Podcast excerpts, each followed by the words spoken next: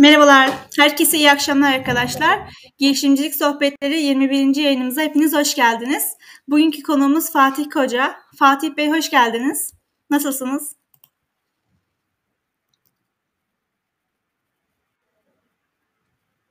Fatih Bey, ama. şu an sesim gelmiyor mu size?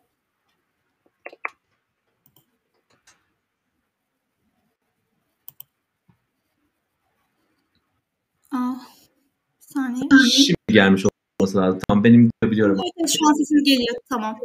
Evet, tamamdır. Tekrardan hoş geldiniz o zaman. Şu an benim sesimi alıyorsunuz değil mi? Evet, şimdi alıyorum. Tamamdır. Tekrardan hoş geldiniz. Nasılsınız? Çok teşekkür ederim. İyiyim. Sizin aranıza katıldım. Aranıza katıldım. Çok daha iyi oldum. Biz de çok memnun olduk sizi ağırladığımız için. Ee, kısaca kendinizi tanıtabilir misiniz rica etsem? Tabii ki. E, Fatih Koca ben.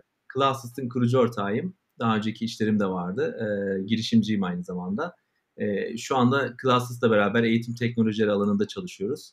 Classist'a gelirsek e, öğrenci için en uygun öğretmenin belirlenebildiği ve öğrenciye uygun çalışma metotları, öğretim tekniklerinin belirlenebildiği e, online eğitim platformu diyebiliriz kısaca.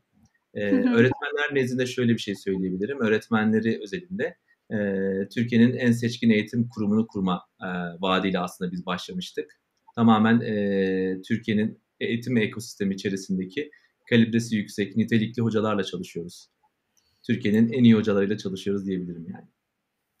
Çok, çok güzel. Çok etkileyici anlattınız.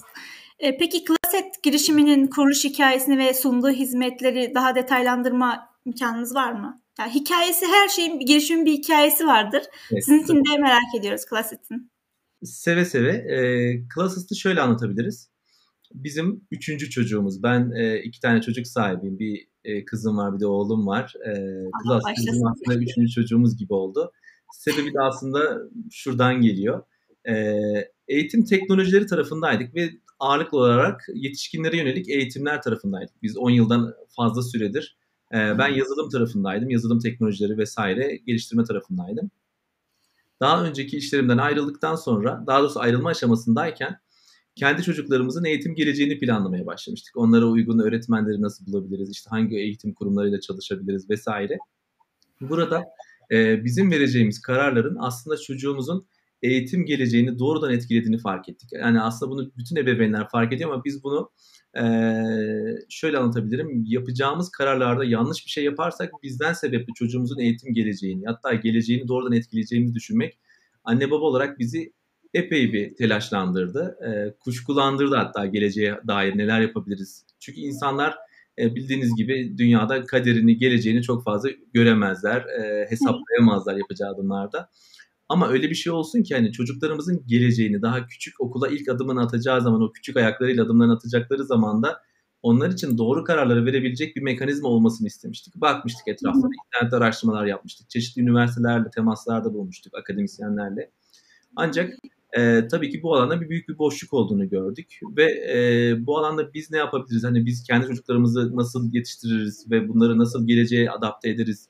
Nasıl dünya vatandaşı olarak yetiştiririz araştırırken biraz daha işin artık teknik taraflarına kaymaya başladık. Yani hem eğitim anlamında hem akademik anlamda hem de işte çocukların bu diğer dış uyaranları anlamında kendimizi işin içerisinde bulduk. Ve bunu e, eşimle beraber Tuğba bu arada ismi. E, sevgili Tuğba ile beraber biz bunu nasıl yapabiliriz araştırırken bu sefer teknolojik olarak çözebilir miyiz doğru evrildi bizim konularımız. Ve bir pazar araştırması vesaireyle beraber bu konuda e, büyük bir eksiklik olduğunu gördük. Hem Türkiye'de hem dünyada. Çünkü nitelikli öğretmenleri bulmak, o nitelikli öğretmenleri bir topluluk şeklinde çevir, e, topluluk şeklinde oluşturabilmek bu öğretmenlerle. Sonrasında bu öğretmenlerin niteliklerine göre, verdikleri te- şeylere göre, eğitimlere göre, tecrübelerine göre, akademik e, aldıkları diğer e, tamamlayıcı eğitimlere göre ve uzmanlıklarına göre bu sefer dedik ki öğrenciyi merkeze alan bir yazılımsal teknoloji olsun. Öğrenciye göre öğretmeni eşleştirsin ve sonrasında öğretmeni yine yalnız bırakmayalım. Bu çocukla ilgili nasıl bir çalışma programı oluşturalım? Bu çocuğu e, nasıl hayata hazırlayalım? Yani sürekli ders çalış, soru çöz, kitap oku, bu baskıdan kurtarıp bu işleri nasıl severek yapmasını sağlayabiliriz? Bunu araştırırken oldukça esnek bir model oluştu karşımızda ve Class'ın temelleri böyle atıldı diyebilirim. Tamamen kendi çocuklarımızın eğitimini düşünürken yani. Buradan çok e, çocuklarının çok şanslı olduğunu söyleyebilirim.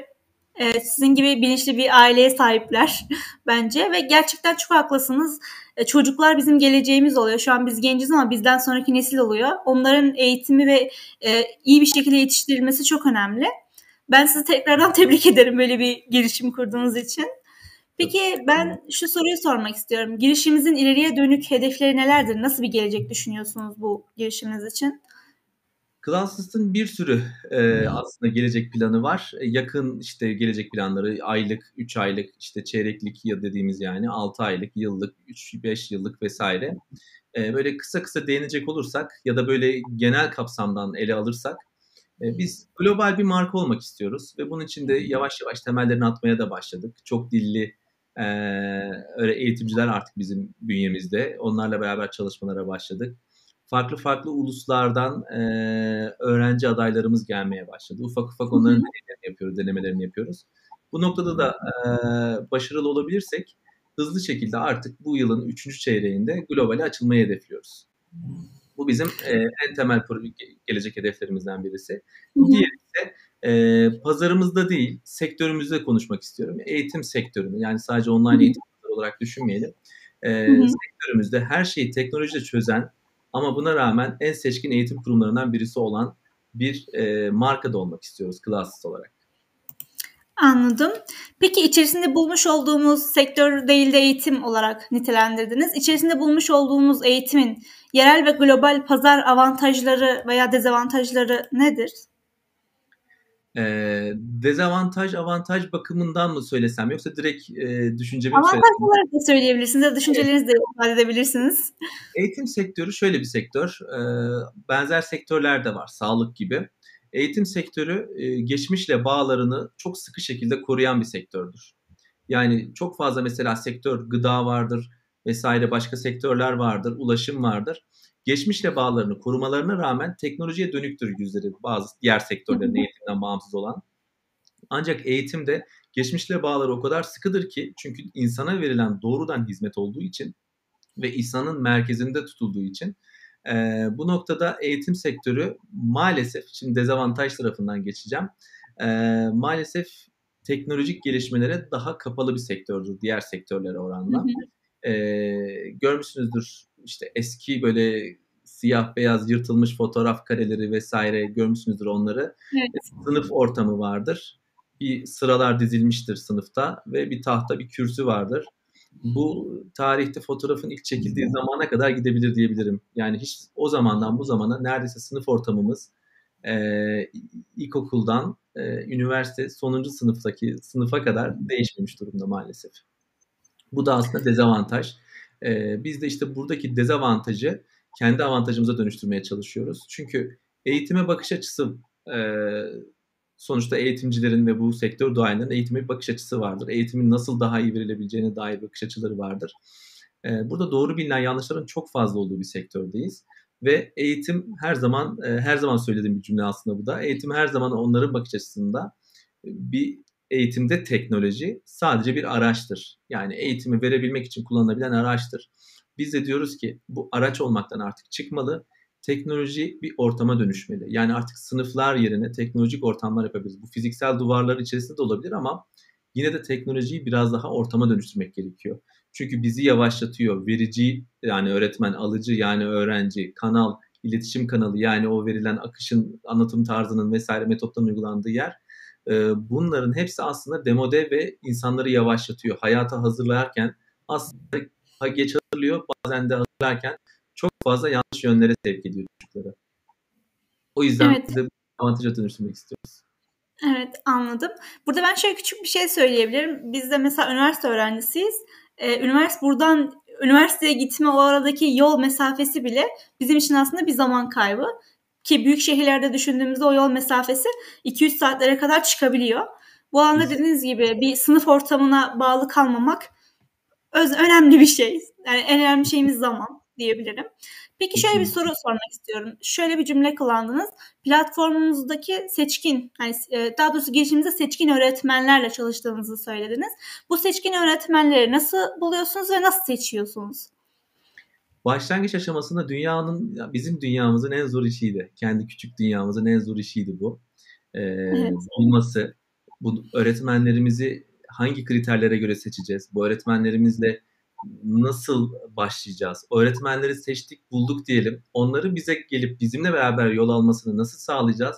Ve en sonunda onları nasıl ikna edeceğiz? İçeri nasıl alacağız? Bu çok zordu bizim için. Ee, öğretmenlerimiz eğer yayını izliyorlar bilmiyorum. Sonradan izleyenler de olabilir. Ee, peşinde koştuk. Çok koştuk yani hocalarımızın.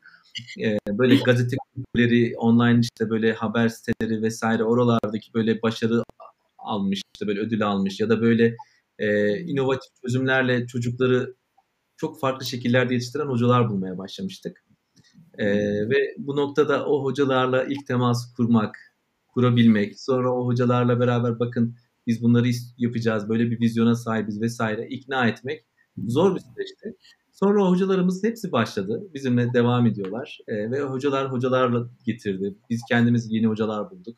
Ve işin artık e, bu öğretmenleri nasıl bulabileceğimizi öğrendik. Ve sonra kriterler kısmını artık daha da böyle e, kendi küçük anayasalarımızı oluşturmaya başladık. İşte bu kriterlere uyan hocalarla çalışacağız diye. E, bunlar nelerdir derseniz hani kabaca tabirle eğitim fakültesinden mezun olmuş diplomayı alan her öğretmen bizde çalışamıyor maalesef.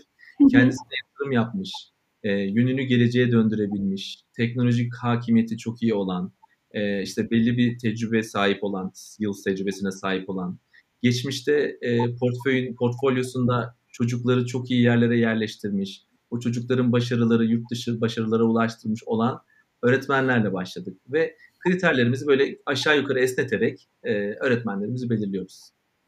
Evet. Bence de çok güzel kriterler koymuşsunuz. Ben buradan şunu anlıyor gibiyim ama bunu sormak istiyorum yine de. Ee, yeni mezun biri öğretmeniniz yok diyebilir miyim? Yani Aa, yeni mezun Şöyle anlatayım. Yeni mezun Hı. öğretmenlerimizden e, işte söylediğim gibi o esnetme söylemiştim ya son cümlede. E, evet. Yeni mezun olan hocalarımızdan çok az yani çoğunluk hocalar arasında çok az bir kitle yüzdelik dilime vurduğumuzda yüzde birin altındadır. E, ancak bu hocalar da kendilerini çok fazla geliştirmişler. Yurt dışında eğitimler almışlar. E, yüksek lisans ya da işte akademik geçmişleri çok güçlü oluyor. E, aynı anda Türkçeden başka iki farklı dili de neredeyse ana dili seviyesinde kullanarak bunları eğitim anlamında da yapabiliyor. Hizmet anlamında da kullanabildiği dilleri olan hocalarla çalışıyoruz. Yani o Anladım. yeni mezun hocalar da öyle. Evet anlıyorum. Onlar da yeni mezun denilmiyor. Aslında çok daha farklı bir yerde oluyor onlar. Peki evet. şimdi oraya, e, diğer bir sorum şu. Birçok hani hocaların peşinden koşarken bir sürü zorluk yaşadınız. Peki bu girişimin sürecinizde şu ana kadar yaşamış olduğunuz en büyük zorluk neydi ve bunu nasıl çözdünüz? Yani öğretmenler peşinde koşmak aslında diğerlerinin yanında belki hafif kalacak sorunlardan biridir. İşi başlatmak sonuçta klasik girişimciliğin zorlukları var. Hani tamam işten işe, sektörden sektöre, modelden modele değişir ama e, girişimciliği başlatmak zaten başlı baş, baş, başına bir zorluk yani. Bir telaşe, bir meşgale, bir telefon çalıyor. Çok güzel bir haber duyuyorsunuz. Havalara uçuyorsunuz. Az sonra bir mesaj geliyor. Çökebiliyorsunuz, yıkılabiliyorsunuz. Yani bir yerden istifa etmek, beyaz yakayı bırakmak, tamamen kendi işinize adapte olabilmek, hayallerinizin peşinde koşmak, bu bağlamda gündemi yoğun bir ülkede yaşarken bunları yapabilmek ki gündemde her gün yeni bir gündemin de eklenmesiyle beraber e, bu heyecanın, bu stresin kat kat arttığı zamanlarda bir işe başlamak zaten başlı başına zorluk yani bunu diyebilirim. Anladım, anlıyorum. Peki girişiminizin SWOT analizinden kısaca bahsedebilir misiniz? Tamam. Ee, güçlü yanları söylediğim gibi öğretmen kalitesi olabilir. Evet. Ee, ve bu öğretmenleri tamamen yalnız bırakmayan, öğretmenlerin nasıl ders verebileceğini anlatabilen bir sistemde olmuş olması. Ee, bu diğer güçlü yanlarımızdan birisi olabilir. Ee, pazarda premium marka çok fazla olmaması online eğitim pazarında premium seviyede bir markanın daha doğrusu premium seviyede hizmet veren bir markanın olmamış olması ee, diğer böyle güçsüz yanlarını ya da böyle değiştirilebilir optimist taraflarını anlatayım isterseniz. Ee, Classed olarak biz e, bir yola çıktık. Büyütmeye çalışıyoruz ama e, çok yeni bir markayız. E, ulaştığımız öğretmen sayısı şu anda 300'ü geçtik. 340'lardayız. E, işte öğrenci sayısı oldukça büyüdü. E, ve aslında baktığınızda çok da yeni bir markayız. bu markayı güçlendirmek gerekiyor. Marka algısının oturması gerekiyor. Yani bu low marka kadar gidecek bir yol var önümüzde. E, ve o yolda daha çok başlardayız. Bu bizim hani hem dezavantaj ama hem de çözülebilecek tarafımız. E, dezavantajları zaten başta söylemiştim konuş söyleşimizin başında. Hani evet. Hani eğitim sektörünün başlı başına temellerine çok daha hala kuvvetli bağlı olması. Temel demeyeyim, temel dersem yanlış bir şey olacak. Geçmişteki e, yaklaşımlara çok tem- şeyden bağlı, göbekten bağlı olması e, bizim için bir şey. E, sağlık sektörünü biraz önce söyledim, gıda gibi, sağlık gibi, eğitim sektörü de regülasyonlara çok fazla e, müdahale edilebilen, regülasyonların çok fazla olduğu sektörlerden birisi. Bunlar geliyor aklıma. E, zaten diğer alt kırılımlar da aslında bunun, bunları bu ana başlıklar üzerinde de söyleyebilirsiniz. Yani dezavantajlar tarafında yeni bir markanın yeni başlıyor olması, hı hı. markanın insanlar tarafından, çoğu insan tarafından daha tanımamış olması vesaire diye böyle kırıla kırıla gider. Evet anlıyorum. Umarım en kısa zamanda büyümeniz çok dünyaca duyulmanızı dilerim.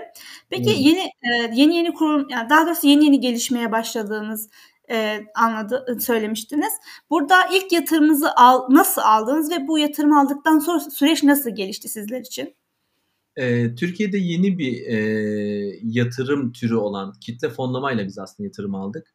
Çok kısa süre içerisinde e, fon bulucu kitle fonlama e, Türkiye'nin ilk kitle fonlama aracı platformundan birisi oldu.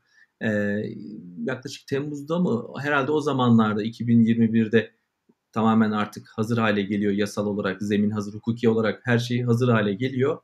Ve çok kısa sürede fon bulucu çok hızlı davranıyor ki o da bence Türkiye'de gördüğüm en büyük girişimlerden birisi.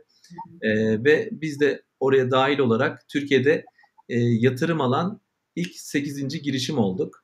Eğitim sektöründe, eğitim teknolojileri alanında da ilk yatırım alan ilk eğitim teknolojisi olduk. Ee, bu çok heyecan verici bir şeydi ve denenmemiş çok fazla kişinin denenmedi. Çünkü Türkiye'de 8 numaradasınız bu işi deneyen, bu şekilde yatırım alan e, bir şirketsiniz, girişimsiniz.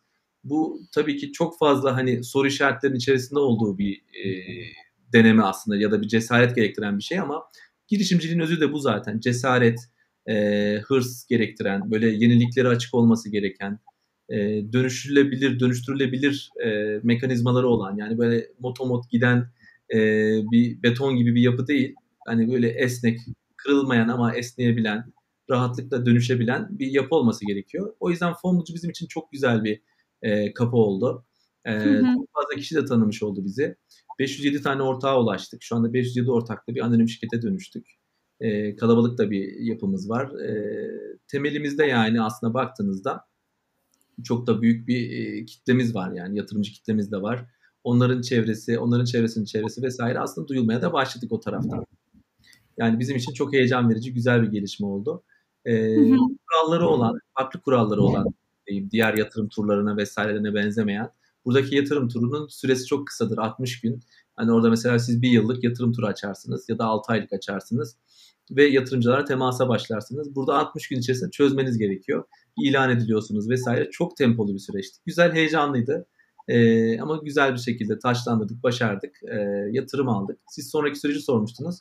Sonraki evet. süreç tabii ki bizim için e, bu pre-seed yani tohum öncesi yatırım turu olduğu için bizim için can suyuydu bu yatırım. E, diğer sonraki yatırım turlarımız için aslında bir başlangıç, bir basamak olarak düşünebilirsiniz bu yatırım turunu.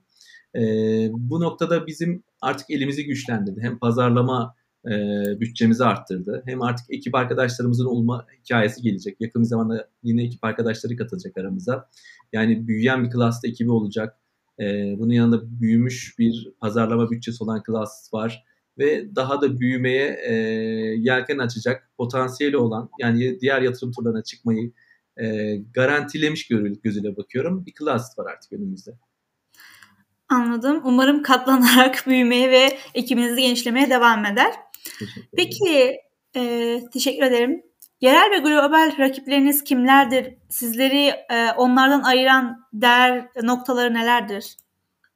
Ee, aslında şöyle, Türkiye'den ve dünyadan sonuçta rakipleri olan bir pazardayız. Bol da rakip var. Çok fazla oyuncunun girebildiği bir pazar online eğitim. Ee, genel kapsamlı ele alırsak, isim isim değil genel kapsamlı ele alırsak, Türkiye özelinde girdiğimizde eğitim sektöründe bu tarz eğitim teknoloji alanında gir, giriş yapmış şirketlerin büyük bir çoğunluğu eğitim kökenli, eğitimci kökenli kişilerin kurduğu e, girişimler oluyor. Eğer ki ekiplerinde teknoloji, satış, pazarlama alanlarında uzman kişiler yoksa maalesef çok da sürekliliği olan bir işe dönüşemiyor. E, empati kurulmasının çok fazla ihtiyacı olan bir sektör. Daha doğrusu bir pazardayız. Empati derken de ne, hangi konulardan bahsediyorum? E, yavaş yavaş alışkanlık, pandemiden sonra tabii ki alışkanlık sayısı oranları biraz daha arttı online eğitime. E, yine de alışkanlık bakımından hani güven, e, bu ben bu şekilde eğitim alabilir miyim? Ben bu şekilde çocuğumun geleceğine bir katkı sağlayabilir miyim diyen ebeveynlere aslında empati bekleyen markalar olması gerekiyor. O ebeveynleri karşılayan. Yani o, o çocukları nasıl e, eğitim verebilirim? Her bir çocuk, her gelen yeni çocuk aslında ilk öğrencinizmiş gibi ya da kendi çocuğunuzmuş gibi ele alacak. Ama her şeyi böyle tek tek birer birer değil, teknolojiyle yapabilecek, esnek bir yapının olması gerekiyor. Çünkü empati dediğim yerlerden birisi de bu. İnsanlar çok değişkendir. Hem yapı itibariyle hem alışkanlıkları itibariyle hem de öğrenim modelleri itibariyle. Bunların hepsini üst üste koyduğunuzda e, rakiplerimizden ayrıldığımız noktalar yavaş yavaş beliriyor. İşte iyi bir empati yapma, yapan, e, işte seçkin öğretmenleri olan, çocuklara e, karar verebilmelerini sağlayan, yani sevmediğim bir artık klişe oldu ama balık tutmayı değil de işte hani şey pardon balığı yemeyi değil de işte tutmayı e, gibi düşünebilirsiniz. Biz bunu nasıl sağlıyoruz derseniz de e, onların hayatını hani böyle motomot saatli programlı sıkıcı bir düzende ders çalışmaları gerektiği şeklinde değil. Onları biraz daha merkeze alıp e, daha bir düzenli hayatı, kendi düzenlerini kendileri oluşturarak o düzenli hayat yakalamalarını be- bekliyoruz. Sonuçta e, K12 hatta üniversite okuyan öğrencileri dahil edersek mesleğiniz ne diye sorduğunuzda ben bir öğrenciyim. Yerlere meslek sorusu çıktığında formda öğrencidir. Ama e, öğrencilikten sonraki meslek sahibi kişiler artık para kazanmak zorunda olduğu için, hayatını idame etmek zorunda olduğu için o mesleklerindeki saatlere kesinlikle uyarlar. Hani okula gidiş geliş olarak düşünmeyin. Gittiği zamandaki çalışmaları olarak o beyaz yakalar, mavi yakalar artık aklınıza kimler gelirse yöneticiler. Ama diğer taraftan öğrencilere baktığınızda ise öğrenci saatleri bellidir. Okula gider gelir. Gerçekten gider gelir. Evde ders çalışır mı? Onlar muamma. Okulda gerçekten düzgün bir şekilde yani muntazaman bir şekilde e, derslere katılır mı, notlarını alır mı? Bunlar da muamma. Çünkü e, öğrenci öğrenciye sorulmamış sen bu işi yapmak istiyor musun diye. Direkt öğrencisin. Mesela hani söylersiniz ya ya da herkes söyler. Herkes sevdiği işi yapsın. Tamam güzel. Ben sevdiği işi yap, yapmak istiyorsam o zaman hani e, çocuk olarak bir öğrenci olarak bu meslekle zorunlu yani bu mesleği zorunlu olarak yapmak zorunda olan bir kişi olarak ne yapmam lazım? İşte bu geleceğimi tasarlamam lazım. Ama şimdiden niye çalışayım ki daha önümde 20 yıl, 10 yıl, 5 yıl var diye düşünebiliyor çocuklar. Sevmiyorlar. Mesleği sevmemelerinin alt nedenlerine baktığınızda işte o empati dediğimiz kısımlar işte hep saydığım şeyler. Çocuklar dersini sevmiyor. Dersini niye sevmiyor? Öğretmenini sevmiyor. Öğretmenini belki seviyor ama sınıfını sevmiyor. Bir sürü alt kırılımlar çıkıyor. O çocukların neden sevmediğini biz çıkarmaya çalışıyoruz koştuklarımızla. Öğretmenlerimizin yanında bir de profesyonel uzman koçlarımız da var. Uluslararası sertifikaları olan. Onlarla beraber çıkardıktan sonra artık çocuk hazır hale gelebiliyor. Neden sevmiyor? Neden seviyor? Neden burası kötü? Neden burası iyi? Her şey çıktıktan sonra zaten o çocuk bizimle hem başarıyı elde edebiliyor. Başarı sonuçlanmasa bile sonuçta 2 saatlik, 3 saatlik sınavlar var. Çocuk yıllarca çalışıyor ama o anda e, bir tansiyonu düşse, bir burnu kanasa, bir şey olsa sınav berbat bir şekilde geçebiliyor. Ya da bir heyecan, bir panik atak olsa. E, ama süreci önemli olan yönetebilmek. O çocuğun çalışma sürecini. İşte biz bunun başarmak istedik. Biz süreç odaklı ilerlemeye çalışıyoruz. Çocuk baştan sona nasıl gidiyor? Bu çocuk bizimle ne kadar süre devam edecek? Her şeyi belirleyebiliyoruz. Ve o çocuğu başa koyup, merkeze koyup bu şekilde süreci götürdüğümüz zaman da kolaylıkla rakiplerimizden ayrışıyoruz. Çocuk buraya geliyor, ne yapacağını biliyor, ne kadar süre burada kalacağını biliyor. Bazıların tabii ki ucu açık olabiliyor. Senelerce bizde çalışacak çocuklar da olacak. Şimdi iki senedir bizimle olan, bir buçuk senedir bizimle olan çocuklar da var. Ve devam edecek o çocuklar. Ee, isim isim saymaya gerek var mı bilmiyorum ama markalar teknoloji tarafında buraya dikkate almıyorlar. Hani hizmet verelim. Biz ne yapalım? Öğretmeni bulalım, öğrenciyi bulalım, ders versin. Ama o dersi verecek, öğrenciyi de yalnız bıraktınız, öğretmeni de. biz onları yalnız bırakmadan süreci yönetmeye çalışıyoruz. Ve bunu tamamen teknolojiyle yani tek tek bunu yapmamız mümkün değil. Yani böyle büyüteçle tek tek bulmamız çok zor. Bir sürü öğrenci, bir sürü öğretmen. Evet. Ya bir yerde öğrenciye değer veriyorsunuz. Yani her öğrenciye değer verdiğinizi ben anlıyorum burada. Evet. Bir şey merak ediyorum. Bu girişimde içeriye katılabilecek, size öğrenci olarak gelebilecek öğrencilerin yaş aralıkları ta- nedir? Hani hangi yaş aralıkları, neden hangi sınıftaki öğrencilerle çalışıyorsunuz? Ee, ağırlıklı olarak K12 grubundaki K'yı silersek ilkokul birinci sınıftan itibaren 12. sınıfa kadar her sınıftan hatta tekrara kalan öğrenciler gelebiliyor. Ee, bu sene az da olsa üniversite öğrencilerinden de gelenler var yabancı dil eğitimleri için. Anlıyorum. Peki der, içerideki dersler e, okul eğitimi mi şeklinde mi devam ediyor yoksa farklı alanlarda eğitimler eklenecek mi girişiminize? Her ikisi de evet. E, ağırlıklı olarak sonuçta sınav ülkesindeyiz. E.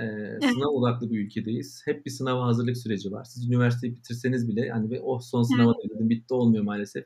Sürekli bir e, eliminasyon var.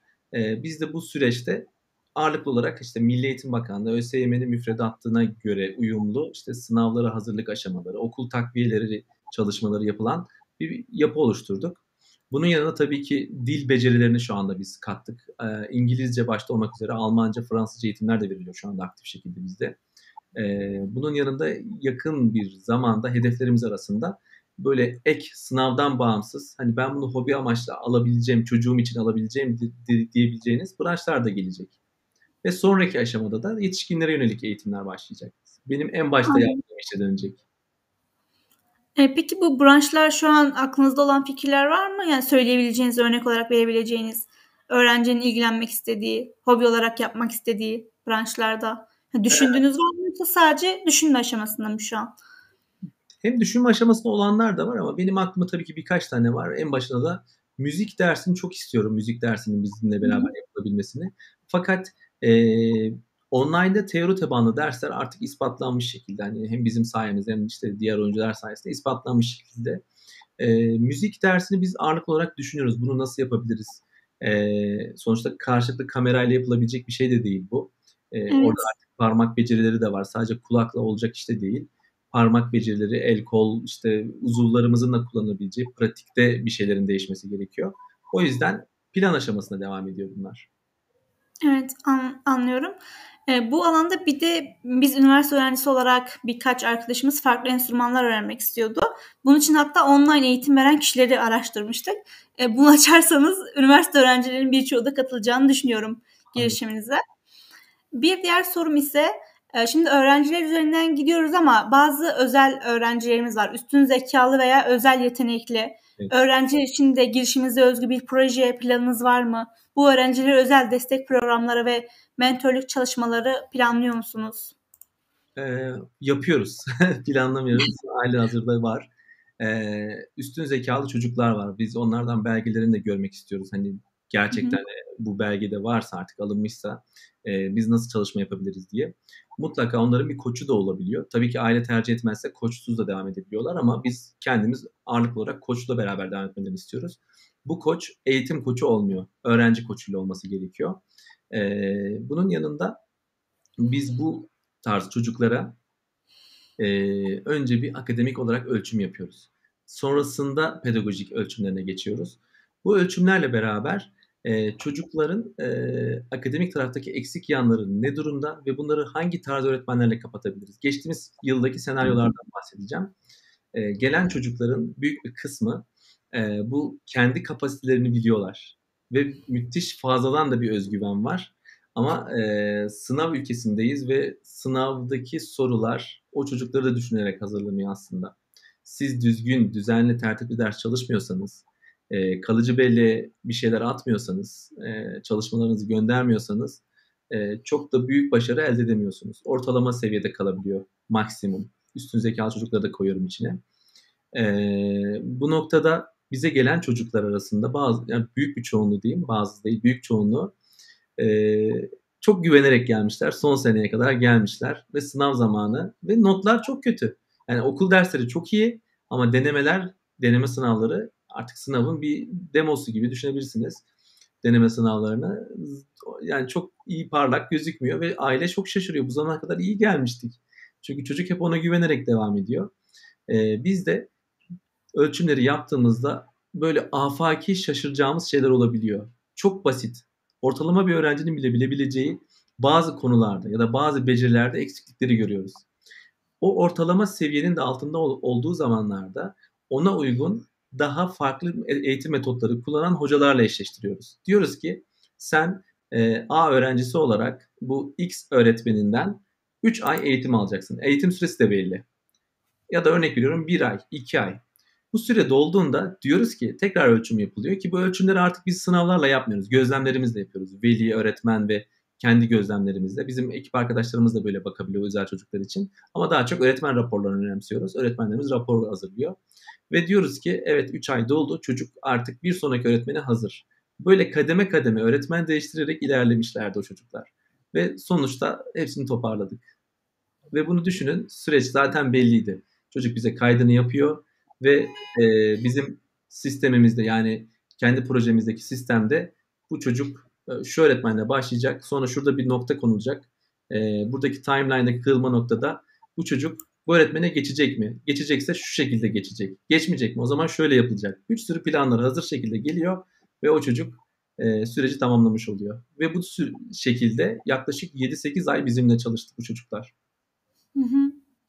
Anlıyorum. Peki çocuklar sürece başladıktan sonra sürecin sonunda şu şekilde olacak diye yani her şey düzenli giderse yani bir yol olacak. Bu yolda çıkan sonuçlar belli oluyor mu? Geldi yoksa şaşırdığınız şeyler de oluyor mu? Mesela bu yolun sonunda böyle olması gerekiyor aslında çocuğun. Ama çok farklı bir şey gösteriyor. Böyle e, farklı bir deneyimiz olmuş olmuş mudur? Olmadı, oldu mu? Pardon. Tabii. iki sene öncesine kadar, e, iki sene öncesinde biz tabii ki her şeyi öğrenmek aşamasındaydık. Yani öğreniyoruz. Yeni beta satışlar yapıyoruz. Kapalı devre, referanslarla satışlar vesaire. Orada aslında kendimiz de deniyoruz. Nasıl yapabiliriz bulmaya çalışıyorduk. Tabii ki sapmalar çok fazla oldu. E şimdi bundan sonra artık biz %100 doğru götürüyoruz da diyemeyiz. Çünkü insan faktörü her zaman sonsuz tane denklemi olan bir faktör. E, ve biz bunu mümkün mertebe insana doğru evrilen, kendi kendine öğrenen bir teknoloji makine öğrenmesine devredecek aşamaya doğru evriliyoruz. Şu anda büyük datayı oluşturmaya çalışıyoruz kendi içerimizde. Bütün o senaryoları, isim bağımsız anonimleştirilmiş bir sürü veri oluşması gerekiyor bunun için. E, bunları oluşturup makine öğrenmesiyle artık sistem diyecek ki bakın ben burada böyle düşünülmüş böyle bir yol çıkarılmış ama bence bu çocuk böyle bir duruyor. Çünkü ben önceden böyle bir çocukla çalıştım ya da böyle çocuklarla çalıştım. Sisteme göre bu çıkacak demesi gerekecek. Daha az hatalı bir e, yola doğru evrileceğiz. Anlıyorum. Bu bu şekilde daha güvenilir oluyor olacak gibi. Peki bir şey merak ediyorum. Burada hiç böyle sizin yaşadığınız, çok şaşırdığınız bir öğrenci modeli oldu mu? Yani onun hikayesini anlatabilir misiniz varsa? Aslında çok fazla var. Ee, belli bir sayıdan sonra öğrencilerin isimleri karışmaya başlıyor bende. ee, yüzlerini zaten hatırlamayabilirim ama isimleri böyle birbirine geçiyor. Yani hikayelerde e, bir kızımız birkaç tane var da bir aklımda çok böyle yer eden bir kızımız vardı. E, çok heyecanlıydı. Hiperaktivite seviyesine yakındı. Hani çok duygulanır, çabuk kendini kaybederdi.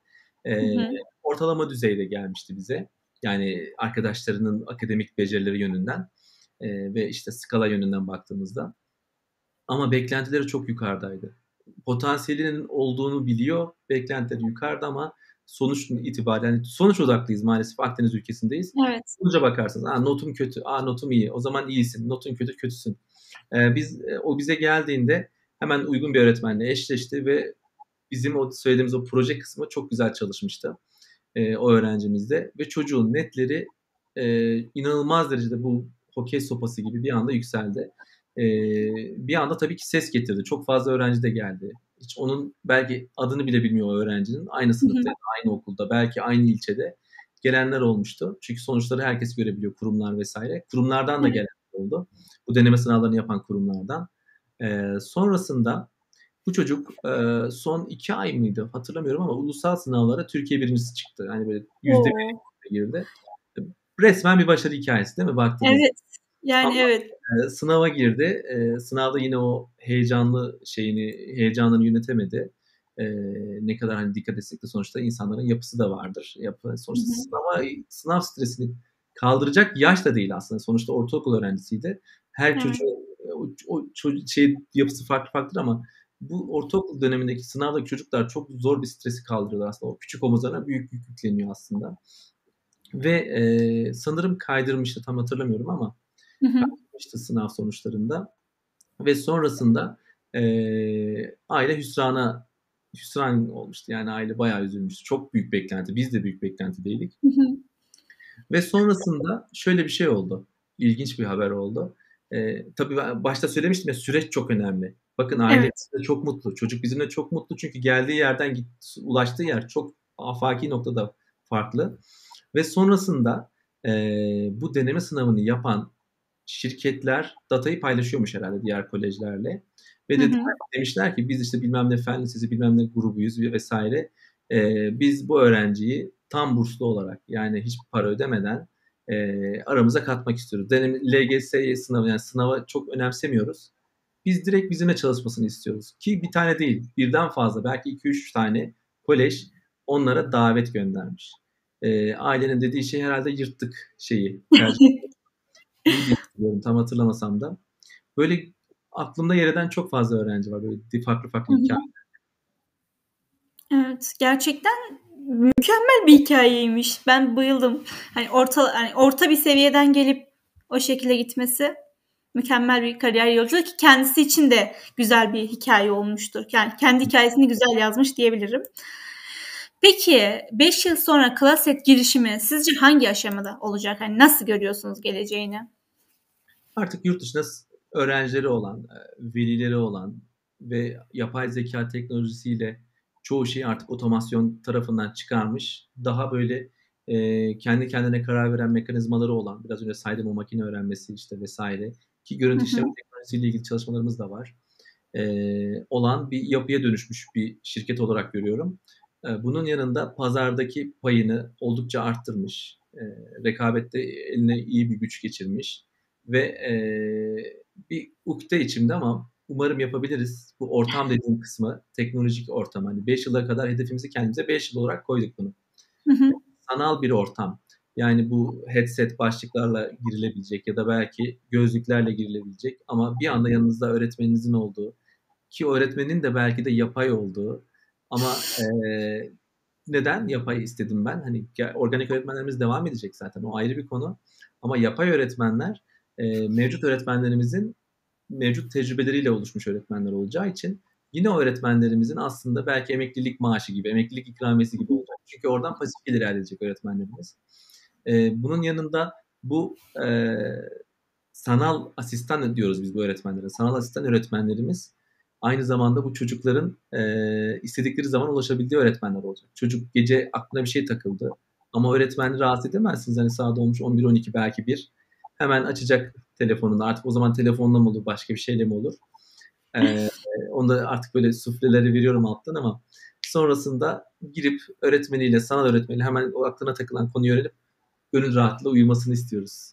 Öyle bir ortamın olacağı bir klas istiyoruz. Anlıyorum. Güzel bir geleceği olacak bunu başarırsak. Bu olursa sanki böyle biraz eğitim sistemi komple değiş, değişir gibi geliyor bana. O bildiğimiz normal sınıf ve kapalı ortam eğitimi yok olur gibi geliyor bana. Sevgi, Umarım sağlanır.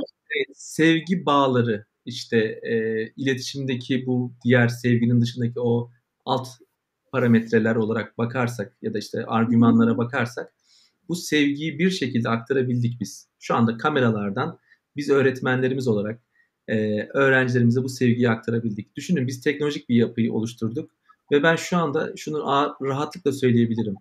Ee, öğretmenlerimin hepsini aşırı seviyorum. Yani çok iyi insanlar. Çünkü biz seçtik onları. Biz aramıza. Hepsi çok iyi insanlar. E, öğrencilerimizi de çok seviyoruz. Ve bu sevgi kameralarla, seslerle aktarılmaya başlandı. Olabiliyor. O söylediğiniz şeye gelirsek, onu da başarabilirsek aslında bir nevi metaverse gibi bir ortam oluyor. Belki de direkt metaverse de diyebilirsiniz bunu ama benim için erken şu anda. E, altını çizmiyorum. E, bu noktada bunu başarabilirsek gerçekten bizim için çok büyük bir ideal olacak. Ukde, ideal ikisi karışım bir şey bizde bu. E, sosyal medya hesaplarımızdan bunu çok çok görebilirsiniz. Yakın zamana kadar bunu biz çok kullandık. Ben hala kullanıyorum. Eğitimde alışkanlıkları değiştirecek olan Classist. Biz bunu çok kullanıyoruz. Evet. Bu bir, bir nevi sizin sloganınız diyebilir miyiz o zaman bu cümleye? Evet. Evet, tamamdır. Peki çok değerli bir girişim. Gerçekten tebrik ederim tekrardan sizi. Başlarken eşinizin yanında olduğunu söylemiştiniz. Ancak bundan sonraki süreçte geliştirmek için bir ekibe ihtiyacınız e, vardı. Bu değerli ekipten kısaca bahseder misiniz? Bahseder misiniz? Tabii. Biz iki kişi başladık. Eşimle ben başladık. Sıfır öğretmen, sıfır öğrenci, sıfır hiç olmayan kod, yazılım.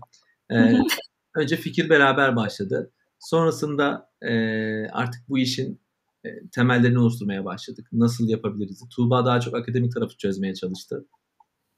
Bense daha çok teknolojik ve satış taraflarını çözmeye çalıştım. Hani bu işin hukuki tarafı, teknolojik tarafı nasıl çözülür diye.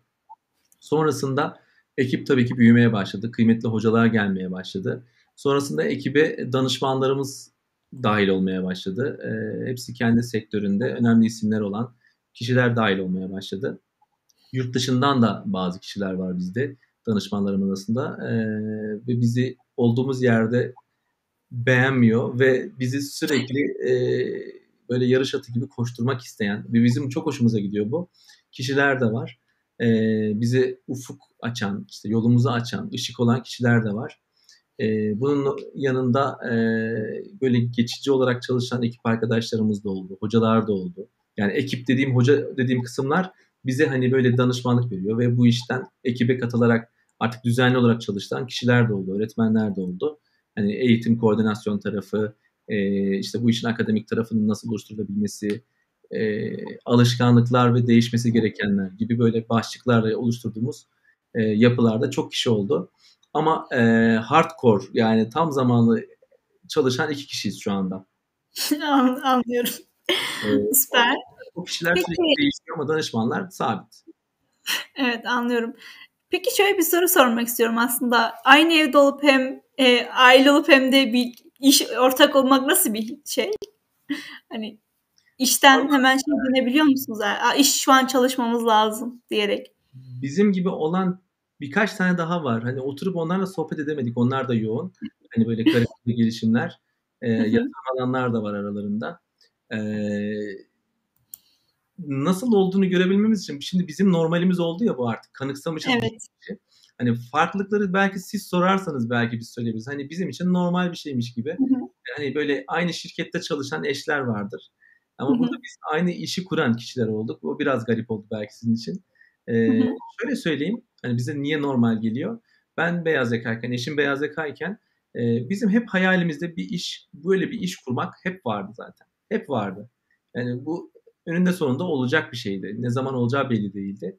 E, biz zamanını kolladık, işi kolladık, hangi işi yapabiliriz vesaire. E, ama biz zaten girişimci olmaya aday bir aileydik en baştan beri. Çocuklarımız da olmadan önce de öyleydi. Çocuklardan sonra da öyleydi. Tabii şimdi çok daha zor. Şu iki tane küçük çocuk ve e, bakım ihtiyaçları da hala devam ediyor. E, öyle olunca biraz daha zorlayıcı oluyor. Evet, evet doğal olarak biraz zorluyor olması gerekiyor.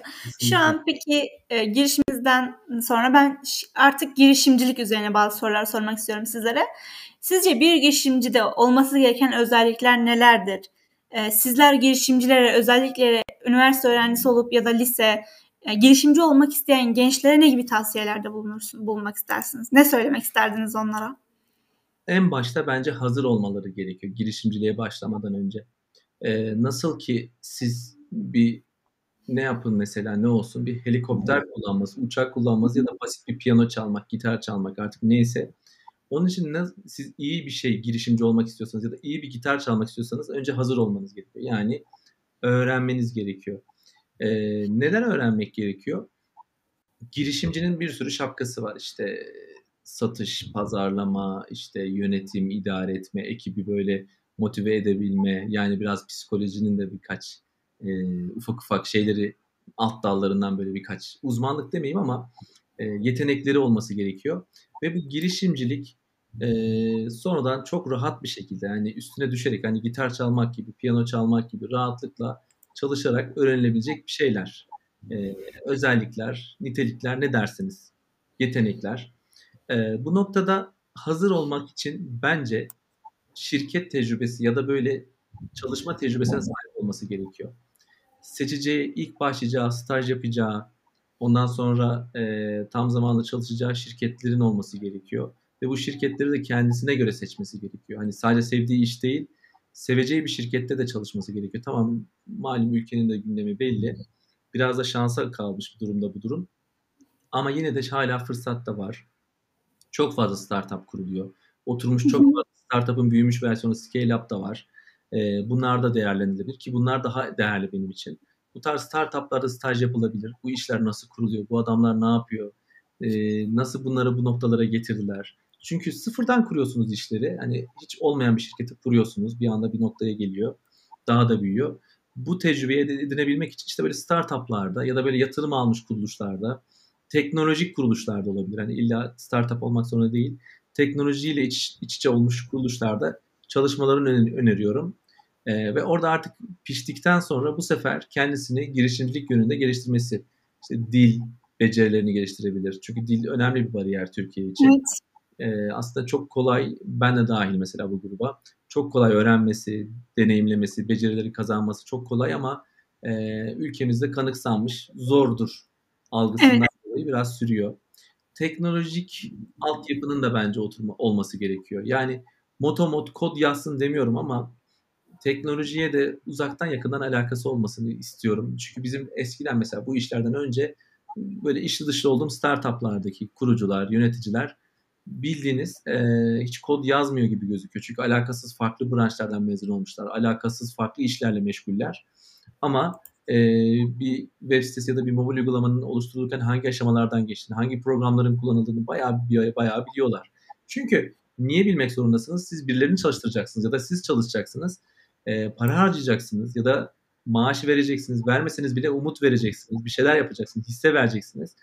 Bu noktada bu çalışanların nasıl işleri döndürebileceğini hakim olmanız gerekiyor. Ufak ufak bilmeniz gerekiyor. Teknoloji böyle. E, yönetim tarafı yöneticilik deneyimleri olması gerekiyor. İşte hani sizin eskiden yöneticileriniz ne yapardı, neleri yanlış yapardı, neleri çok iyi götürürdü. E, siz ufak ufak yönetim deneyimleriniz de olmuşsa bunları da tabii ki burada kullanabilirsiniz. E, bu noktada bir sürü yayın evlerinde kitaplar var. Şirket startupları hızlandıran kuruluşlar var, hızlandırma kuluçka kuruluşları var. Zaten buralara gidince bunlarla ilgili eğitimler de veriliyor. Yöneticilik eğitimleri, işte ekip kurma eğitimleri, işte startup'ı pazara oturtma, pazara girme, efendime söyleyeyim e, bu startup'la ilgili iş modelini oturtma gibi bir sürü eğitimler de veriliyor. Bunlardan yararlanmaları çok çok şey olacak, faydası olacak.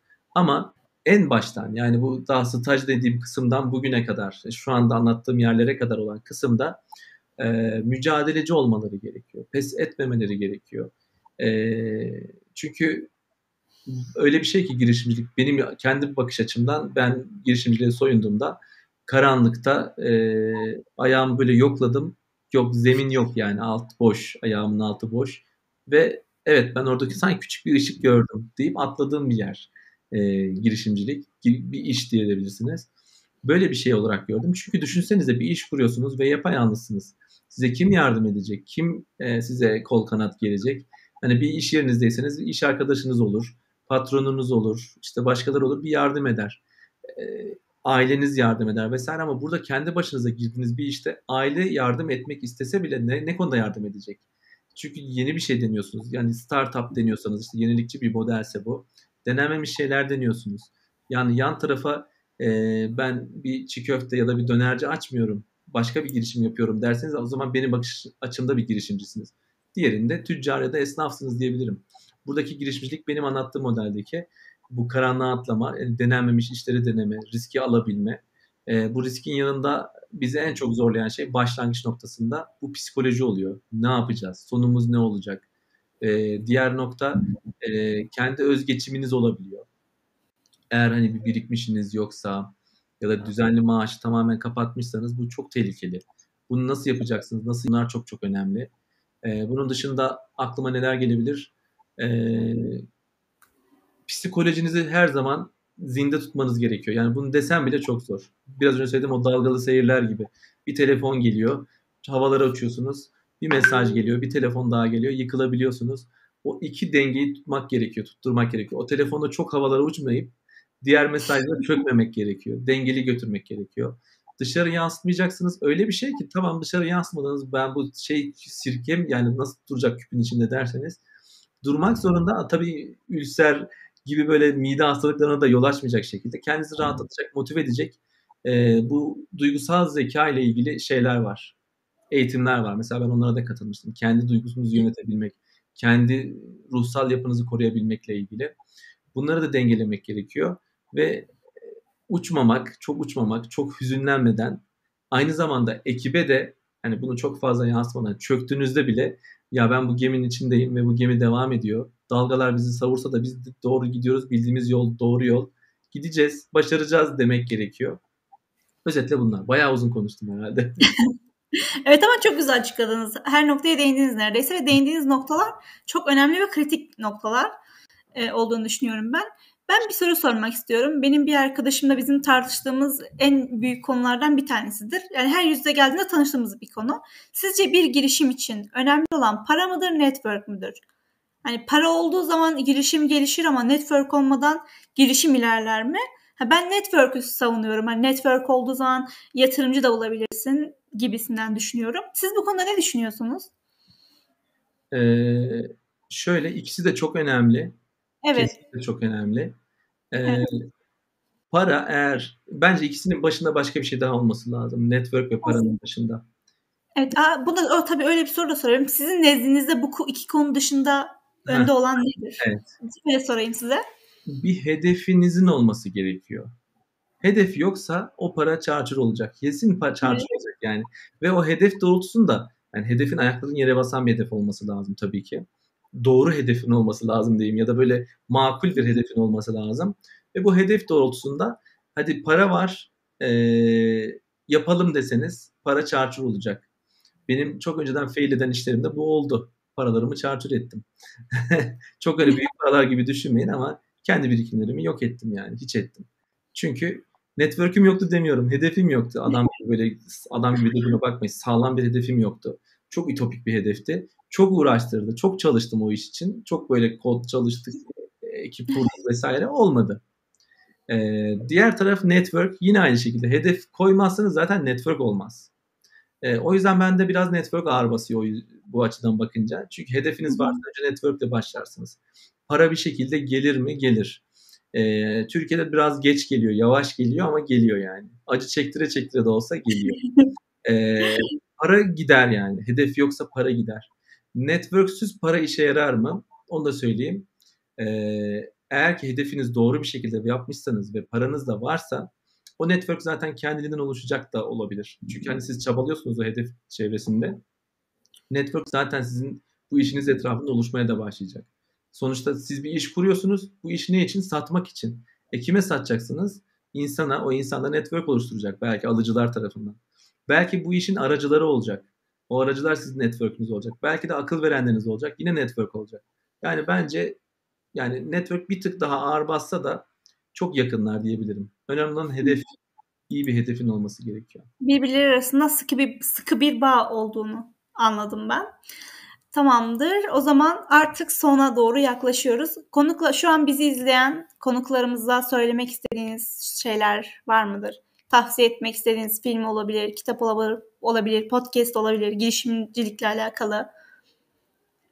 Açıkçası e, benim çok düşmedim ama düşen arkadaşlarım da vardı. Böyle yani girişimcilik haberleri olan, girişimcilik filmleri olan, girişimciliklerin böyle mitleri olan bir sürü şeyler olur. Tartışmalar olur, filmler olur, konuşmalar olur, replikler, fenomenler. Şimdi bunlara baktığınızda haber aldınız yatırım aldı. Yatırım aldı. Sayfaya çeviriyorsunuz yatırım aldı. Yatırım aldı. Yurt dışına açıldı. Unicorn oldu. Öbürüne bakıyorsunuz haber şeylere, filmlere bakıyorsunuz. Sersefil oluyor adam.